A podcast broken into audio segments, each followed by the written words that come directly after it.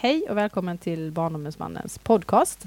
Vi fortsätter idag vår serie med internationellt fokus och jag tänker ägna hela det här avsnittet åt att prata om vad som händer just nu i EU inom asyl och migrationsfrågorna. Allt självklart kopplat till barn och barns rättigheter. Jag heter Frida Ekberg och idag har jag med mig två eminenta gäster. Det är Barnombudsmannen själv, Fredrik Malmberg. Välkommen hit. Tack. Och så är det Karin Sjömilla Fagerholm, jurist här på Barnombudsmannen. Välkommen hit. Tack så mycket. Och välkommen till dig som lyssnar.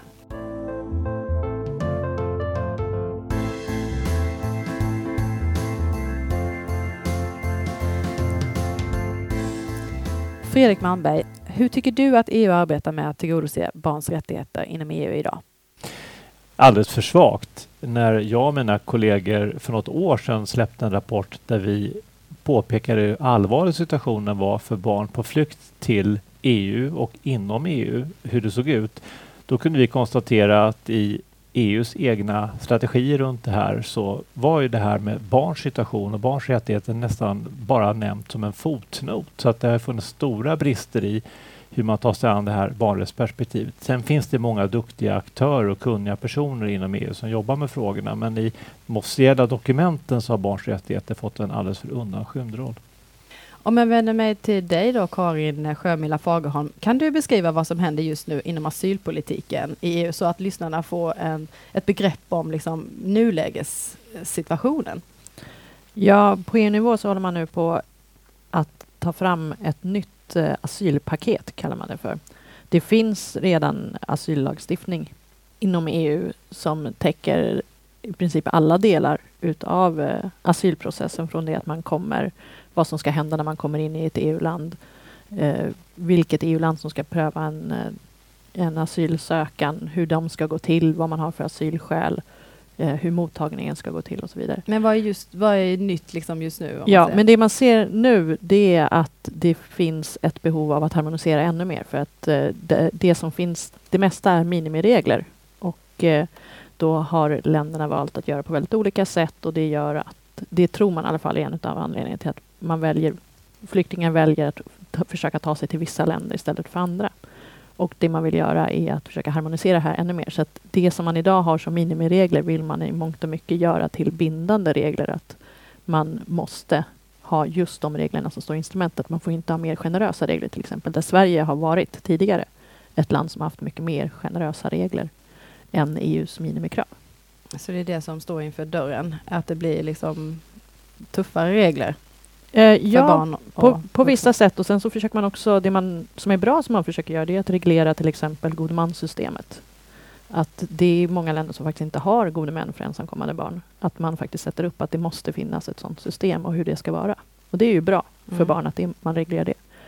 Vad skulle det få för konsekvenser, eh, Fredrik Malmberg, om, om det blir så som Karin beskriver?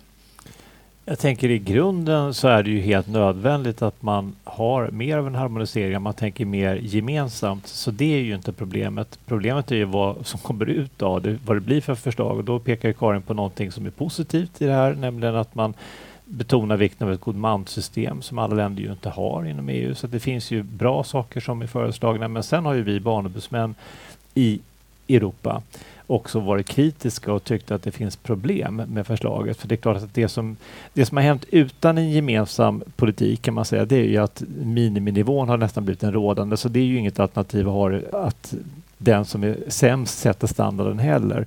Men när man sätter en gemensam standard, då är det ju viktigt att Sverige och andra länder som har en ingång att mänskliga rättigheter är viktiga driver på i det arbetet så att standarden blir bra. Och sista ordet är ju inte sagt om det än och det var ju det vi hade uppe till diskussion nyligen på toppmöte här i Sverige. Precis, vad bra att du kom in på det.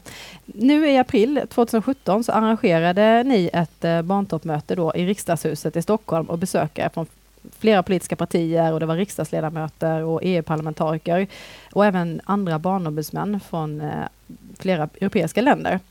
Vår egen barnminister var ju också på plats, Åsa Regner. Kan du berätta lite vad det mest intressanta var som kom fram på, på det här toppmötet? Jag tycker det mest intressant, det var, ett, det var ett intressant möte och bra diskussioner, eh, men det är klart det viktigaste med det här var ju ändå att de 41 institutionerna som har ansvar att bevaka barns rättigheter i, inom EU och även utanför EU i andra europeiska länder gemensamt kunde ställa sig bakom ett ställningstagande kring den här gemensamma europeiska eh, asylpolitiken och hur den ser ut. Där vi kunde konstatera exempelvis att familjeåterförening är en oerhört viktig eh, rättighet som vi är bekymrade över om inte den gäller fullt ut. Att vi är bekymrade över förslag som handlar om förvarstagande av barn. Vi kunde trycka fram ett antal viktiga rättigheter för barn och unga där vi tycker som bevakare av barns mänskliga rättigheter att eh, våra länder så att säga ska slå vakt om de rättigheterna för barn och unga i det här nya förslaget. Och där finns det ju bra saker som har nämnts i förslaget men det finns också orosmoln. men hur då? Hur ska ni eh, se till att det sker? Ja, jag tänker så här, vi är ju inte frivilligorganisation utan det vi har gjort var och en det är ju att analysera utifrån barnkonventionen för det är det som är vårt uppdrag att bevaka barnkonventionen och se hur omsätts den i nationell eller europeisk lagstiftning och utifrån den analysen så har alltså 41 barnombud oberoende av varann faktiskt kommit fram till en gemensam slutsats att det här förslaget som nu diskuteras det har bra saker i sig men det finns också allvarliga brister i det och det var det vi gemensamt i ett ställningstagande fattade beslut om att gå vidare med till kommissionen, till de aktörer som finns för att beskriva hur vi ser på det. Eh, och det är ju starkt faktiskt och ganska imponerande att alla kunde komma fram till ett sådant ställningstagande tycker jag. Mm. Och hur kommer det tas emot i kommissionen? Det vet vi väl inte men Karin kanske har någon insights där. Ja. Nej, det är väldigt svårt att säga. Det är precis innan toppmötet så kom eh, kommissionen med ett eh, meddelande om just barn i migration. Och det var väl förvånansvärt bra.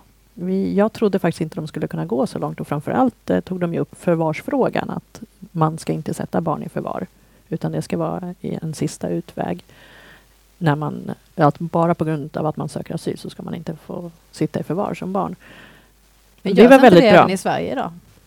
Inte i, i, det handlar I Sverige när man sätter i förvar så handlar det om att det är en återvändande process och det är för väldigt kort tid. De barn som sätts i förvar i Sverige sitter i förvar väldigt, väldigt kort tid. Det är oftast i genomsnitt ett, ett dygn max ja. Eh, i väntan på en återvändande process.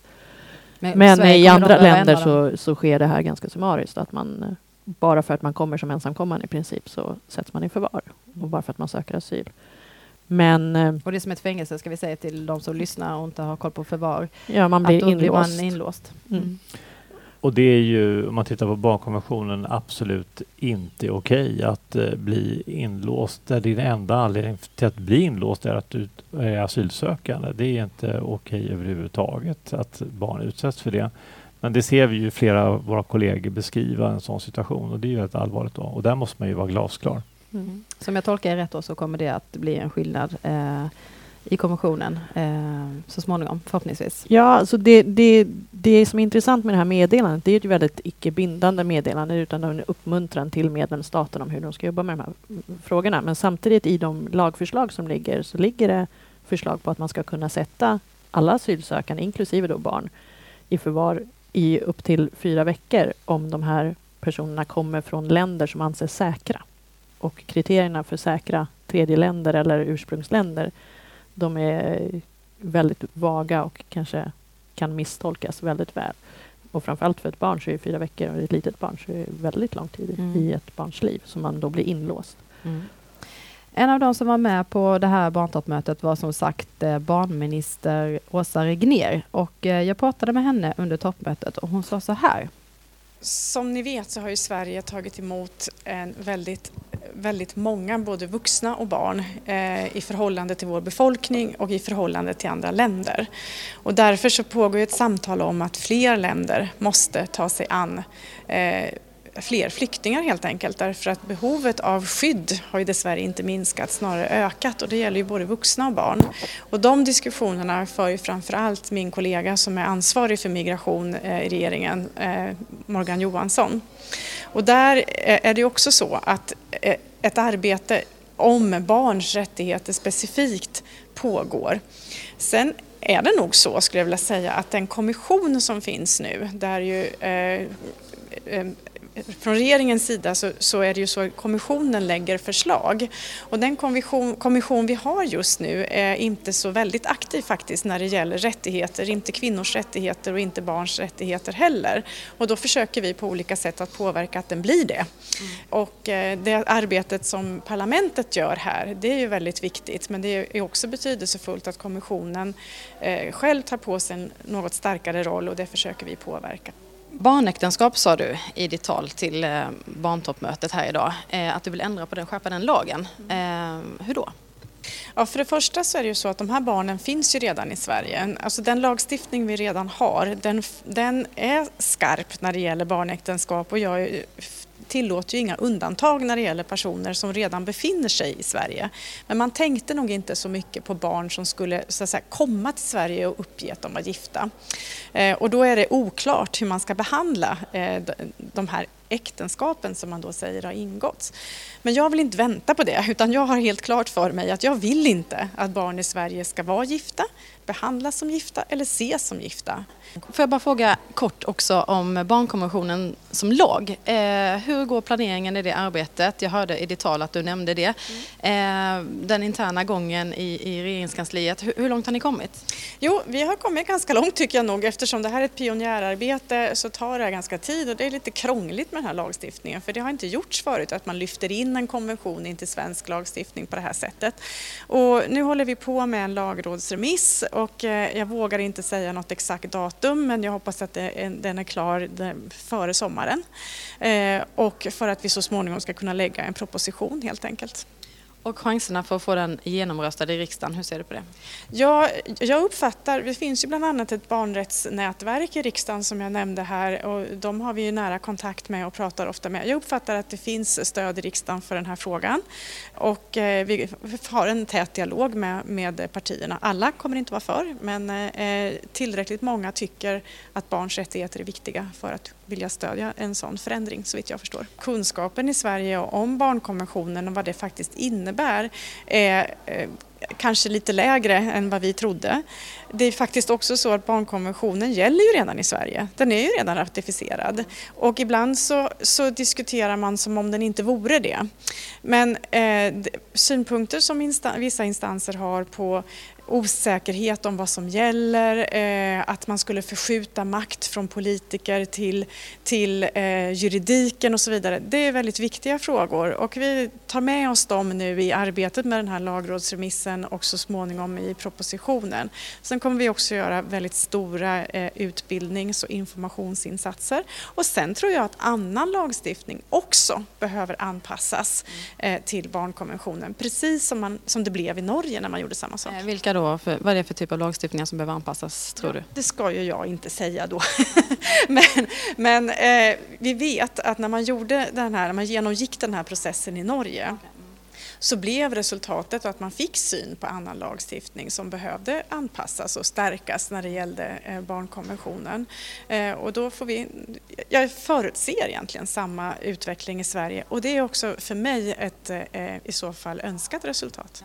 Kort bara, vad kommer det få för konsekvenser om barnkonventionen blir lag och det håller tidsplanen då att bli i januari 2018? Vilka konsekvenser kommer det få på lokal nivå så att säga, ute i kommun och landsting, tror du? Ja, jag hoppas ju att det blir som i Norge där man vet att man, att man i högre grad tar hänsyn till, till barns situation. Man lyssnar mer på barn när man fattar beslut om dem, både enskilda beslutsfattare och i rättsprocesser. Och, och det är vad vi vill uppnå, så det hoppas jag. Fredrik Malmberg, vad, vad tänkte du när du hörde Åsa Regnér? Men jag tänker att eh, jag håller med barnministern om den här analysen att det kommer att få effekter om barnkonventionen blir lag på olika sätt. Inte minst att det kommer att driva på att annan lagstiftning ännu bättre kommer att stämma överens med barnkonventionen. Eh, och det kan vi se också att barnrättighetsutredningen som föreslog att barnkonventionen, eller hur barnkonventionen skulle bli lag, ju också gjorde en del granskningar och analyser och inte minst på det område vi pratar om nu med barn i asylprocessen där man konstaterar att en stor brist var det sätt man gjorde barnets bästa bedömningar.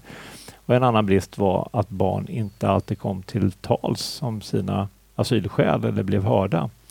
Eh, och det är någonting vi också lyfter fram från ombudsmännen eh, i Europa i det här kommentaren till det europeiska asylsystemet och att vi tycker att det är viktigt att slå vakt om barns rätt att komma till tals. Eh, och där skulle man ju tänka sig att om barnkonventionen blir lag att det skulle kunna ha en betydelse att man stärkte i exempelvis utlänningslagen i Sverige rätten att komma till tals. Och det är ju grundläggande innebära? om man ska kunna få fram sina asylskäl. Ja, vad skulle det innebära för de barn som söker asyl i Sverige? Ja, det, det, vi ser som en brist idag, framförallt för barn i familj faktiskt, det är att de många gånger inte blir hörda alls eller inte på ett sätt som har med saken att göra. Och kan man då inte berätta och beskriva det man har varit med om som kan vara asylskäl, ja då blir ju asylprövningen väldigt problematisk därför då får man ju faktiskt inte en prövning av de skäl man har eh, att få stanna. Så det kan leda till felaktiga beslut om man inte hör barn? Ska jag tolka det så? Ja, definitivt. För om du inte får fram vilka skäl du har och man inte kan se de här barnspecifika asylskälen som kan finnas. Inte minst det som eh, Åsa Linnér själv var inne på, exempelvis hot om barnäktenskap kan ju vara ett eh, asylskäl som barn och unga kan ha. Men om man inte ens kan beskriva den situationen eh, och det kan ju kanske inte ens förälder beskriva för en om, om man är i en sån situation och så, så är det otroligt viktigt att man får komma till tals om det. Vad säger du Karin Sjömila Fagerholm? Nej, jag håller med Fredrik i hans analys, men jag vill också plocka upp det Åsa Regnér sa om eh, EU-kommissionen, om att eh, det vi ser, och det, det är som sagt det är EU-kommissionen som har lagt de här förslagen till ny asyllagstiftning och just den här bristen på ett rättighetsperspektiv, eh, både barns rättigheter men mänskliga rättigheter totalt, är väldigt oroande, tycker jag. Att inte förut, vid tidigare kommissioner så har ofta kommissionens förslag varit ganska bra ur ett barnrättsperspektiv och sen så är det när förhandlingar mellan parlamentet och rådet som eh, det har minskats och man har begränsat rättigheterna. Men nu ser vi att redan i förslagen som kommer från kommissionerna så har rättigheterna eh, degraderats. Vad tror du det, det beror på? Det, jag tror det beror på vilka personer som sitter som kommissionärer just nu och de som har de här frågorna. Att de personerna är inte ur ett rättighetsperspektiv utan de ser på det fokus som finns nu i Europa, det är ju egentligen hur kan vi stoppa personer från att komma till Europa och söka asyl. Och det är väldigt oroande när man läser de här förslagen att helt plötsligt har man fört in begrepp i lagförslag som asylshopping. Vad det, betyder det? Det är ett begrepp som inte har använts egentligen sedan 80-talet förut. Det är att man helt enkelt man väljer vilket land man vill söka asyl i. Eh, det är det de menar. Och just det, det, när man får in sådana begrepp, det visar på en syn på de här personerna som ändå kommer till Europa för att söka skydd av någon anledning. Många kommer ju från krigshärjade länder. De har ju verkligen en anledning att söka skydd. Andra kanske kommer för att de flyr från fattigdom eller att det skulle kunna vara lättare att få arbete i Europa. Men just att använda de här begreppen och hur man uttrycker sig visar väldigt mycket på att man det man vill är att stoppa folk från att komma till Europa. När vi ändå bara tar ungefär 6% av hela världens flyktingar. Det är inte särskilt många som kommer hit om man ser på det stora antalet flyktingar Nej. i världen. Åsa Regnér nämnde någonting om eh, barnäktenskap också. Är det någonting ni vill kommentera? Eh, jag kommenterade det dels innan. Ja, ja, där tänker jag man måste tänka flera tankar samtidigt. Den första grundläggande tanken är att motståndet mot barnäktenskap är ju inte en svensk tanke utan det är en global tanke. Det har slagits fast i, i generalförsamlingen i FN att det ska vara ett globalt mål att eliminera alla barnäktenskap. Eh, därför att vi vet att det här är ett av de absolut största hoten mot flickors liv och hälsa. Eh, så det är ett globalt mål att komma åt det. Men vi vet också att i den flyktingsituation som har varit nu, inte minst efter Syrienkonflikten, så har många, framförallt flickor, varit utsatta eh, och föräldrar kan ha känt desperation. Det kan finnas olika anledningar att barn är mer sårbara för barnäktenskap just nu och då har myndigheterna i olika länder, även i Sverige, varit rätt handfallna ibland och ganska naiva i hur man hanterat det och det har vi varit väldigt kritiska mot. Vi tycker att lagstiftningen måste vara glasklar. Alla barn har rätt till skydd mot barnäktenskap. Sen tänker vi också att man i mottagandet måste ha tydliga rutiner för hur man hanterar barn som är i den situationen. Men jag välkomnar den tydlighet jag tycker att Åsa Regnér ger uttryck för. Jag tycker att det är bra. Mm. Ett annat eh, politiskt parti som har varit pådrivande när det gäller barnkonventionen som lag i Sverige är ju Kristdemokraterna. Jag bytte ett par ord med Emma Henriksson som är andra vice ordförande i Kristdemokraterna och ordförande i socialutskottet i riksdagen. Hon var med och invigde det här barntoppmötet och hon sa så här det jag ser, det jag möter när jag möter barn som eh, går igenom den svenska asylprocessen är att alla inte får en rättssäker bedömning. Man lever inte upp till det vi, vi har sagt att vi som land ska leva upp till. Vi är bra på att prata om barn, inte så jättebra på att prata med barn. Eh, vi säger att vi värnar barns rättigheter men när det kommer till kritan så, så backar vi gärna lite för att vi, vi blir lite tafatta. Vi vet inte riktigt hur vi ska göra för att prata med barnen på riktigt om det som är barnens faktiska behov.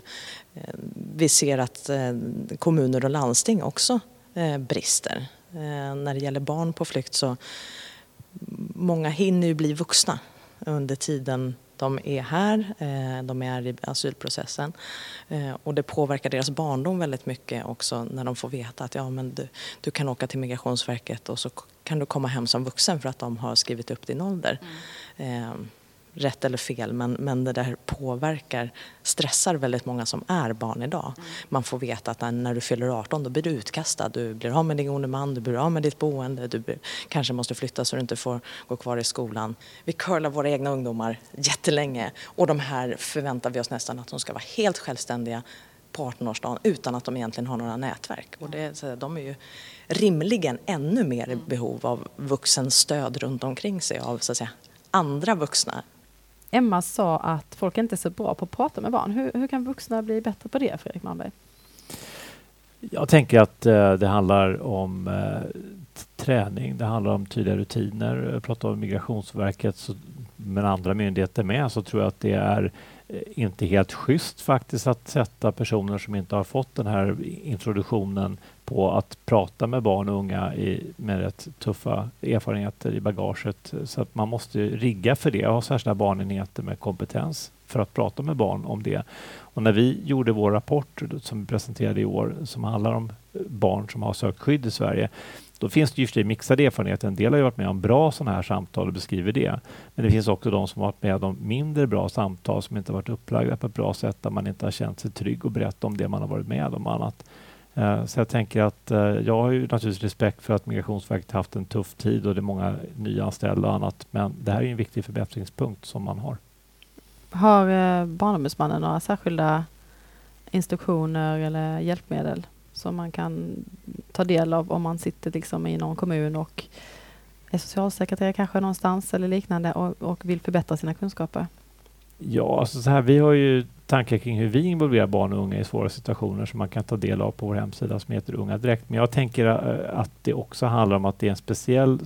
Verk, alltså olika verksamheter har olika behov. Så att jag tycker det vore förmätet att säga att vi har en färdig utbildning så blir man klar på det. Utan jag tror att varje verksamhet måste själv analysera vad är det man behöver kunna just i Migrationsverket eller socialtjänsten för att på ett bra sätt involvera barn och unga. Den läxan måste man nog göra själv.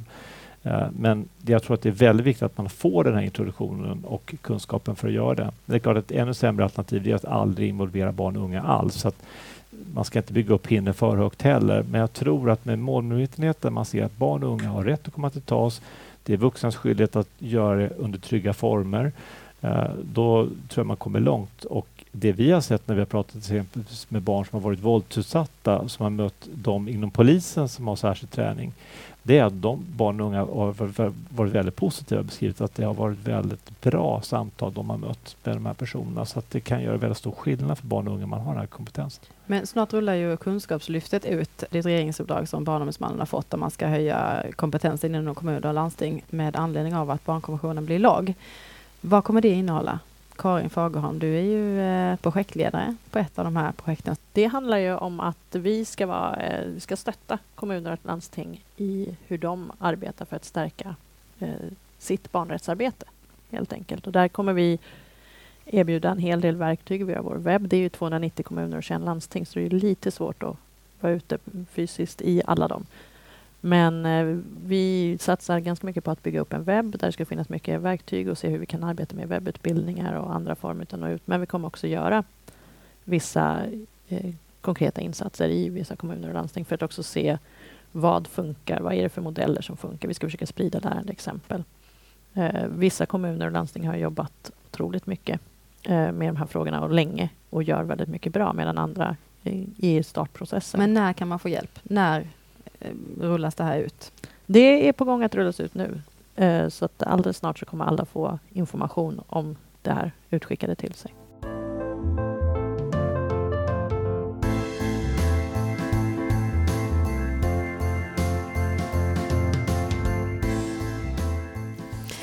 Vi går vidare i programmet. Ni lyssnar alltså på Barnombudsmannens podcast och eh, det handlar om eh, en internationell utblick och vi pratar om EU-politiken främst och det handlar om barn på flykt. Det här barntoppmötet, om vi ska bara återgå till det, så hade vi ju lite internationella gäster också. Grekland är ett av de länder i Europa som har tagit emot flest flyktingar och under 2015 och 2016 kom det många syrier till Grekland.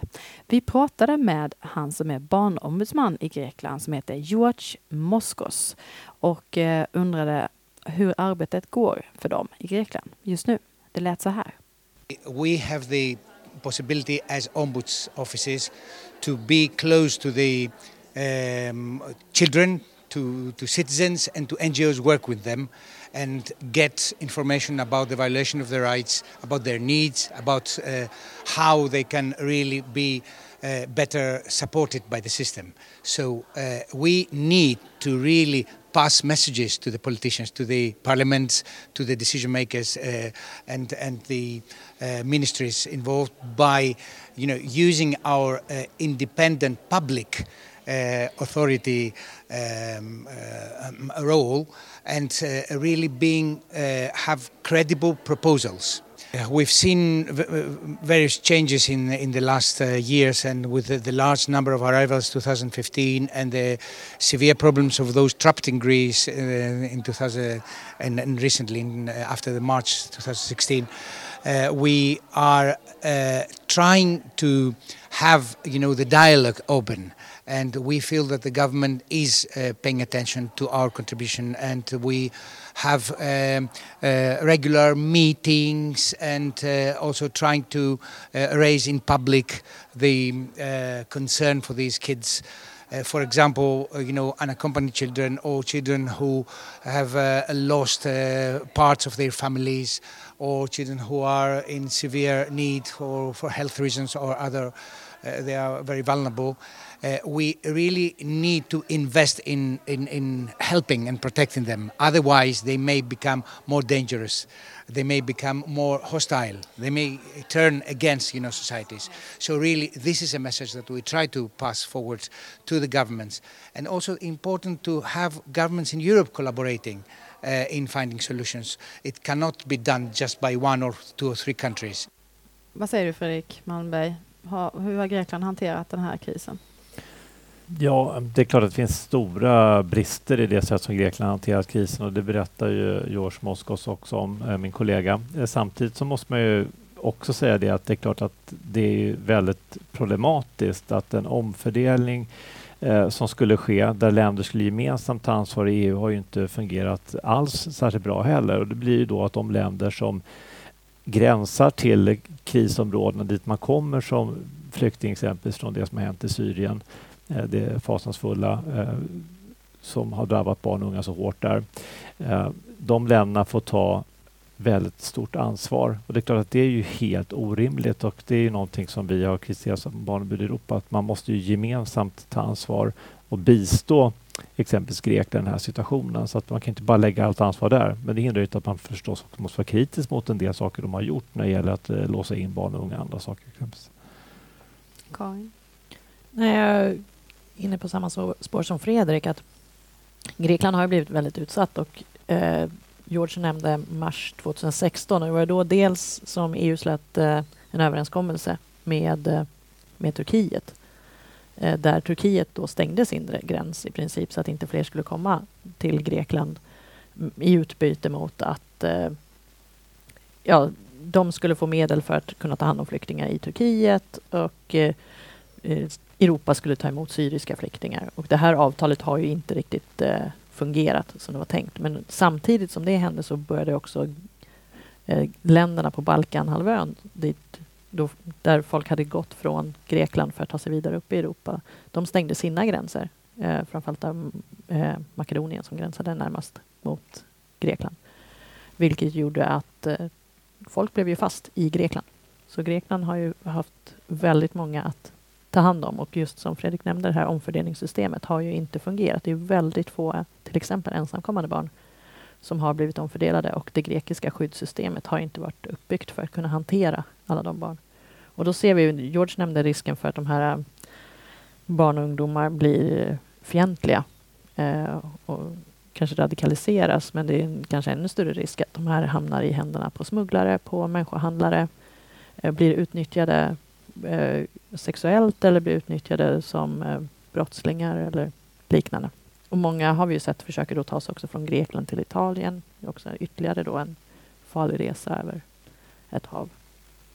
Så kan Europa eller EU göra någonting för att eh, förstärka den här omfördelningsprocessen? Ja, tycker du i, i dagsläget? Eller har de varit för svaga? Eller vad är din analys? Varför gör inte EU någonting? Varför låter de sitt barn sitta fast i camps som man pratar om? Eh, det är väl liksom flyktingläger? Ja, det, det man satte upp i EU det var ju sådana här hotspots som man kallade det i Grekland dit alla skulle komma för att söka asyl och så skulle den här omfördelningen ske därifrån.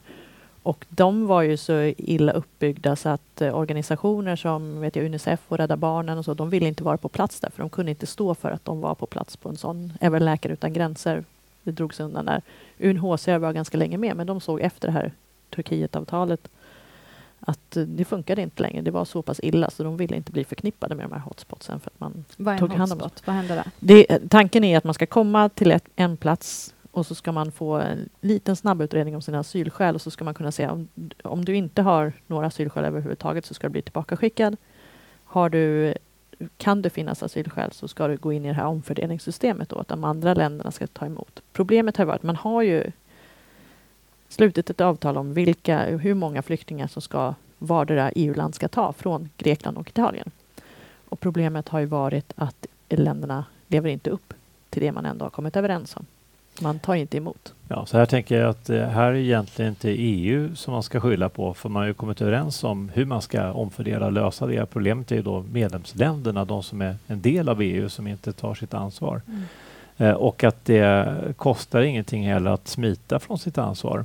Det är väl det man diskuterar nu. Är det rimligt att vara med i en union, ställa upp på gemensamma saker och sen inte bidra? Mm. Kan man få göra det egentligen? Det är ju det som är frågan. Vad tycker du?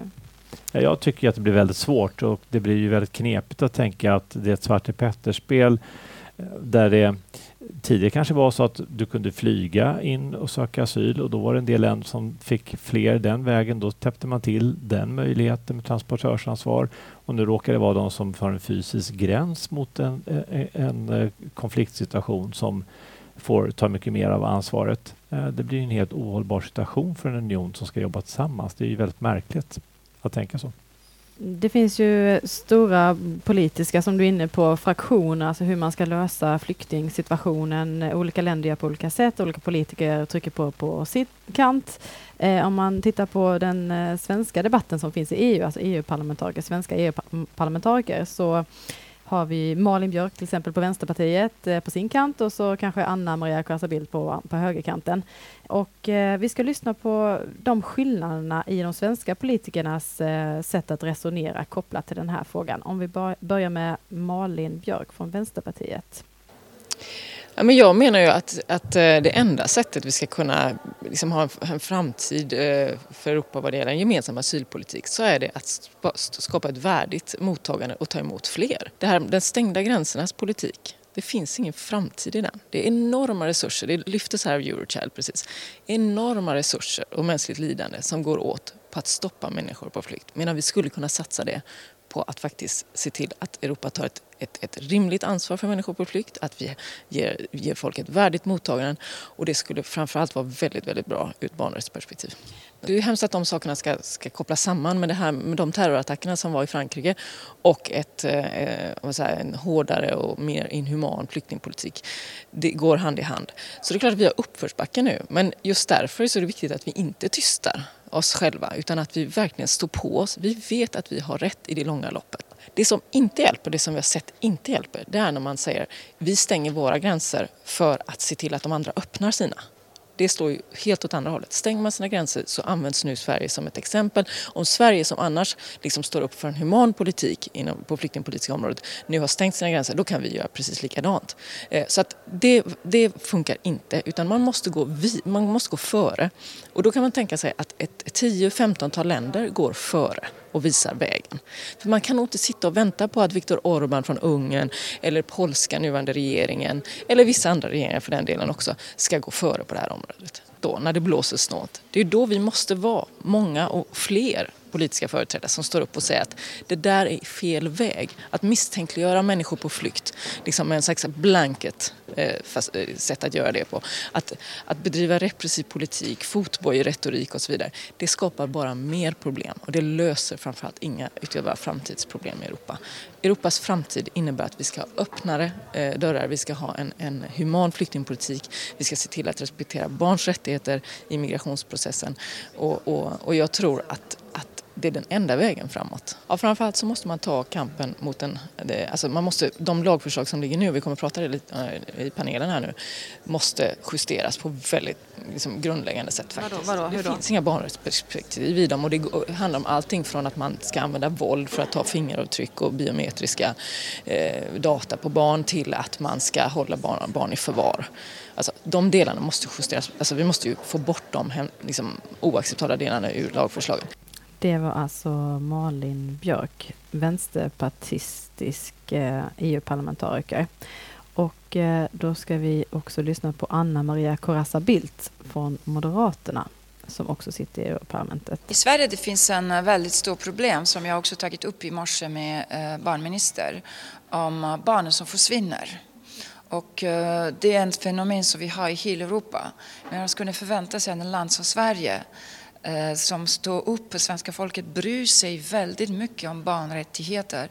Man skulle kunna göra mycket, mycket mer för att identifiera barnen som försvinner och se till att uh, man hittar dem. Så mer, mer möjligheter för polisen att uh, bekämpa uh, traffickers, människohandel av grov organiserad brottslighet som utnyttjar barnen. Det handlar inte om att jaga barnen, det handlar om att försvara barnen och skydda barnen. Och mycket mer samarbete mellan olika, uh, mellan olika mm, som är ansvariga för barnen. Regering måste göra mer, det, utan tvekan.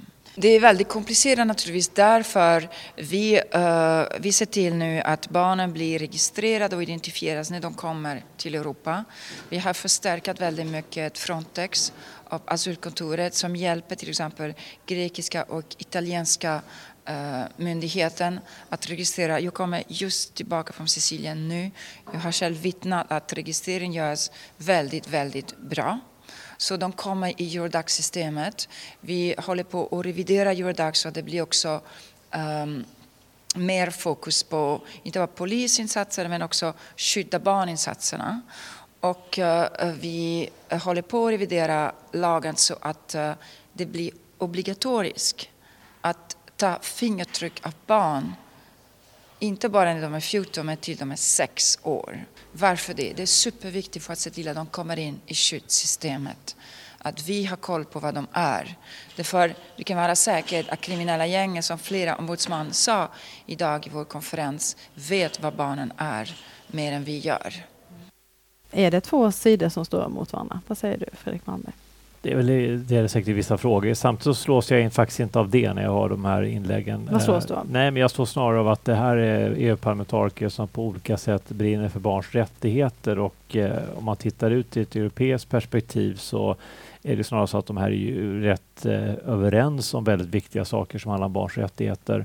Eh, så. så jag tycker att det är det jag slås av och att det det engagemang de står för, det är ju inte så att de är de enda heller, utan som jag nämnde innan, det finns ju 41 barnombud som är överens om viktiga punkter här. Det finns parlamentariker från flera andra länder som vi har mött när vi har varit i Europaparlamentet som också tycker det här är viktigt. Men skiljelinjen här, den stora skiljelinjen går ju inte mellan Malin eller Anna-Maria utan den går ju mellan andra parlamentariker som har en helt annan syn som inte tycker att mänskliga rättigheter är viktiga överhuvudtaget. För de ja, krafterna absolut. finns ju också. Ja. Men om man ska hålla sig bara till, till analysen av eh, hur egentligen de olika politiska fraktionerna ser ut eh, från de svenska parlamentariker öppna, eh, kan man säga att det är de öppna gränsernas politik å ena sidan och det är mer pengar till Frontex å den andra. Vad skulle du säga om det Karin?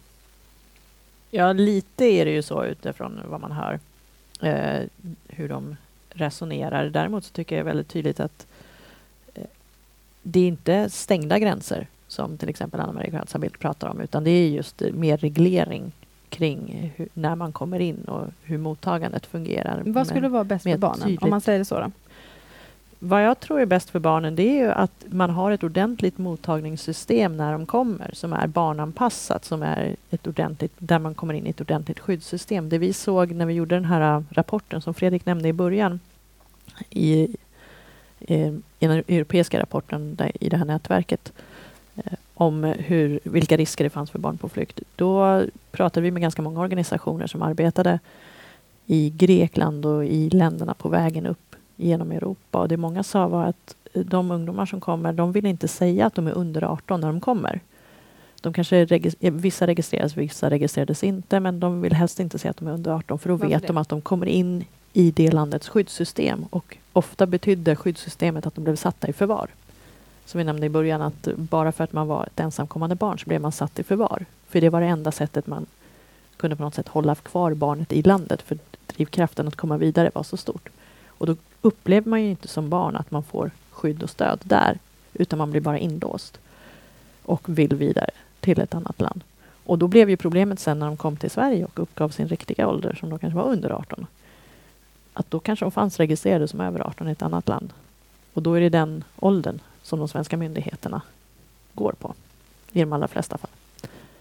Och eh, blir då tillbaka skickade enligt den förordning, Dublinförordningen som finns som reglerar första asyllands eh, vem som ska ta hand om asylansökan. Så vad är din slutsats? Är det bra med eh, fingeravtryck till exempel då, som Anna Maria Krasabild föreslår från sex år, att de kommer in i skyddssystemet Eurodac systemet eh, eller är det bättre att de bara får komma in och få skydd och sen så tar man hand om till exempel asyl? Jag tror att det är bra att de kommer in i, systemet, att det finns regleringar, att man vet vilka barn som är. Hon nämnde ju också barn som försvinner. Det är ju jättemånga barn som har försvunnit i, i asylsystemet i hela Europa. Och, men man måste också se till att man bygger upp skyddssystemen. Att det finns ordentliga skyddssystem i alla EU-länder. Att barnen känner att de är trygga. Det är ett bra land. Det är, de får bra stöd dit de kommer. Det verkar vara så himla långt därifrån just nu, eh, den medierapporteringen som, som vi hör och ser. Hur, hur långt ifrån är man den bilden egentligen, Fredrik?